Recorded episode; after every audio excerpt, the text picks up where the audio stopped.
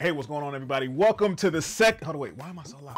The second episode of Bass Nation TV. So you can't talk about gospel bass players, especially present day gospel, without mentioning this guy's name. Not only is he a crazy bass player, but he's also one of my influences as well, and that's none other than Alan Snoop Evans. Say what's up, man. What's up, good people? What's up, good people? My name is uh, Alan Snoop Evans. Uh, Snoop is my nickname. My dad gave me a long time ago. Uh, first, let me say I'm honored to be here with the guy, the the man, the man.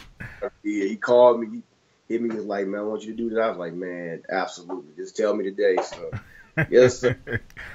a pleasure, man. Um, yeah, I just I'm I'm just a guy that just love bass, man. That's just that's pretty you. much. I hear you. I love it. I, I still I'm still in love with it, and uh, that's just that's my passion. It's my I, passion. I hear you. Now, a lot of people may not know you, but a lot of people will know you for uh, a lot of the gospel stuff that you do. Now, just I guess you can go into a little bit of that and how you got started or who you've played with and just that whole story. I'm sure everybody want to know.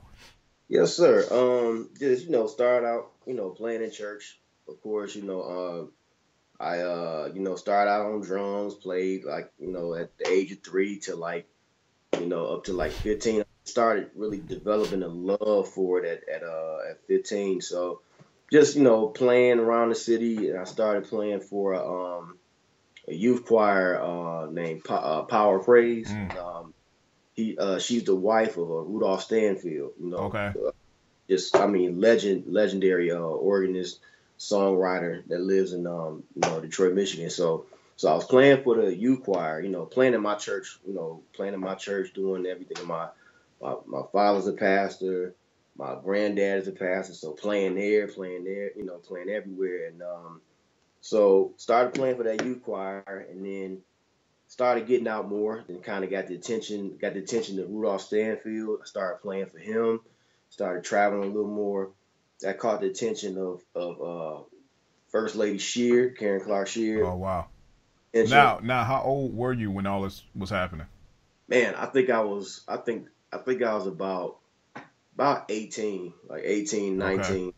Uh, you know, I was, you know, I was still in, I was just getting out of school, so I had time to do more. So I think it was like around 18 and 19. That's, uh, started playing for First Lady Sheard, and then that caught the attention. You know, I started playing for Kierra, then Mm. there, J Moss, and J Moss to, um, you know, um, the Clark sisters. Wow. Know, so, so it just, it kind of just snowballed, and Yeah. So some some uh, some legendary gospel artists pretty quick and pretty early in your your playing. Really seems like. man, it's it's man, it's an honor. It's so, it's so similar to to my story because when I started off, you know, same way. Like I was in maybe middle middle school or something like that. Just you know, uh, coming home and playing to VHS tapes or you know even cassette tapes, just trying to learn different things and practicing in front of the mirror. You know, Yeah. like I was having a conversation with Justin, uh, Justin Raines, and I was telling him how I used to sleep with my bass. Like that's how much I used to practice. It's just Yeah. the the level of uh, passion for your Yeah. instrument like you have to have you know people ask a lot like uh, how long do you practice it's not really a set time because it's just when i see my bass i want to pick it up and i want to play you know that's how that's that's how it was that's how it is with a lot of musicians that have a strong strong passion for it um, so Yeah. that's that's very interesting because the way you play you have a very unique style. So I, that's why I asked, you know, theoretically, what did you study? Because some of the stuff that you come up with, you know, even like slap stuff, like is very melodic, um, you know, very melodic lines and things like that. And even your percussive, you know, picking and your style, it's not like a normal gospel, you know, gospel player. Now, who were your uh, main influences and your style? Man, I gotta I gotta say first, um, first, you know, first my uh my first influence is my mom and dad. Of You know, my mom and dad, dad organ, mom sings. You know, Yeah. they they used to make us. They used to make me sing with my sisters. We had a group and stuff. So that that kind of really uh uh got my my musical journey, you know, going. And growing up in Detroit, you got you had Volley, you got Volley Craig, you got Yeah. Terrence, or Yeah. DeAndre Oh yeah. uh, Thomas, you got you know my my my, my he's like an uncle, uh, Vincent Fitzgerald. Like these Oh, these yeah. is guys listening to, Of and course. um, so listening to that, and then then I heard Joe Smith for the first time, Uh-oh. and Uh-oh. man, I was I, I was listening to this. It's a old. It was an old um, James Moore live in Detroit album, and uh, it's a song called "Spirit of the Lord." Dun, I know exactly what you're talking about. Yeah, and he was stuff he was doing. I was like, I was like, I was like, why is what he doing? Why is like the notes kind of matching what the keyboard is playing? It's Yeah. like, what, what is he doing? Like, I was like, I was, I had goosebumps. I'm like, what is, what is magic that he's doing? What is Right. happening to my ears? So it's just, I'm like, okay, it can. I found out it could be more, and I, I noticed how everybody kind of just laid out and just let him just have it. Yeah. So like, I was like, okay, so it don't have to always be about the drummer, you know. Not you know, Exactly. you know, I'm you know, I'm young. I don't really know. I don't really know. You know, I don't really have music maturity, but it's still like you know, I'm like, okay, so the drummer don't always have to have all the shine. Well, that's that's how we grew up. Mostly, you know, it, you know, there was there was you know drummer sheds. You know, whenever there was a shed, you know, at a church or you know late at night, the drummers used to get it in. You know, that was the main part. It might be, be one bass player, one keyboard player, but the drummers would bring like five or six sets. You know, and get Yeah. loose. So we're not used to you know the bass being the forefront of the band, or even being that you know interesting enough that people just want to sit and listen to it. So I, I completely understand what you're saying. Yep. It, then it, it started with Joe, and then then I heard Marcus, and just my I was just like, oh my god, I've never forget the time the first time I heard Rush Over on the Tales album, Mm, Mark Miller Tales, and the um Infatuation, just the way he was thumping and just the Yeah. tone, Marcus Miller, man. Oh yeah. the, just the goosebumps I would get, and just the the triplets and all the, everything. Right. And I heard Victor Wooten for the first time. I saw him for the first time. The good Victor. Dude, it, it was just him. It was just bass and drums, just bass and drums, not you just just them two. And I literally sat there looking at the TV like, "Are you kidding me?" Like, dude is just. yeah. I'm like, how is that possible? Right.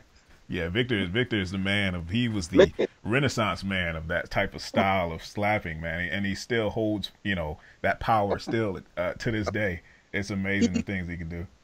He's an absolute wizard, man. He's an Yeah. absolute wizard. Yeah. Like, I I will watch, I will watch, I will record it. My parents got so sick of me because I played it every day, all day. Yeah. And I would like the first time I saw it, I, I came home from school. I never forget. And I heard and I saw it. I was like, "Are you kidding me?" So I recorded.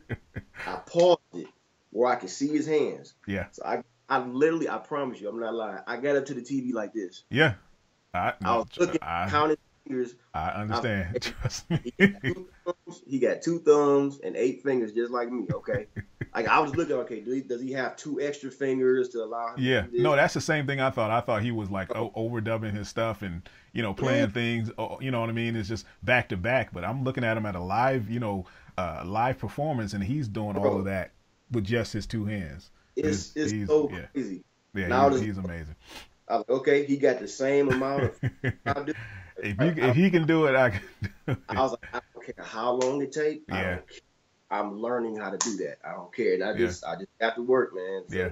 that's really that really just took the creativity just to. I was just like, wow, you can really you can really take it and just go anywhere with it. Yeah. yeah.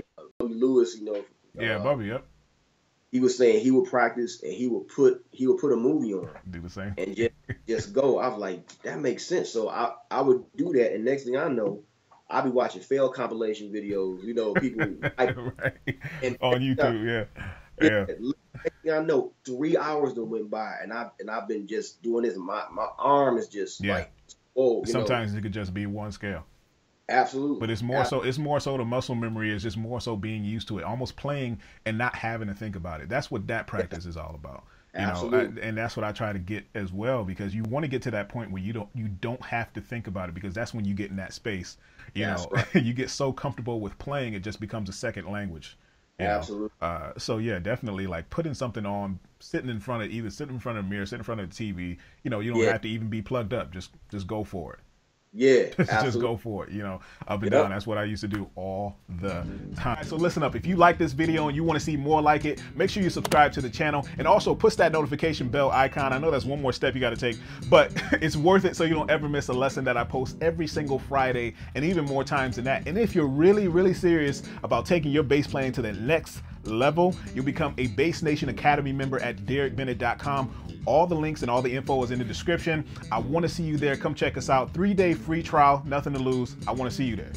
Did I say I want to see you? I want to see you there. Till next time.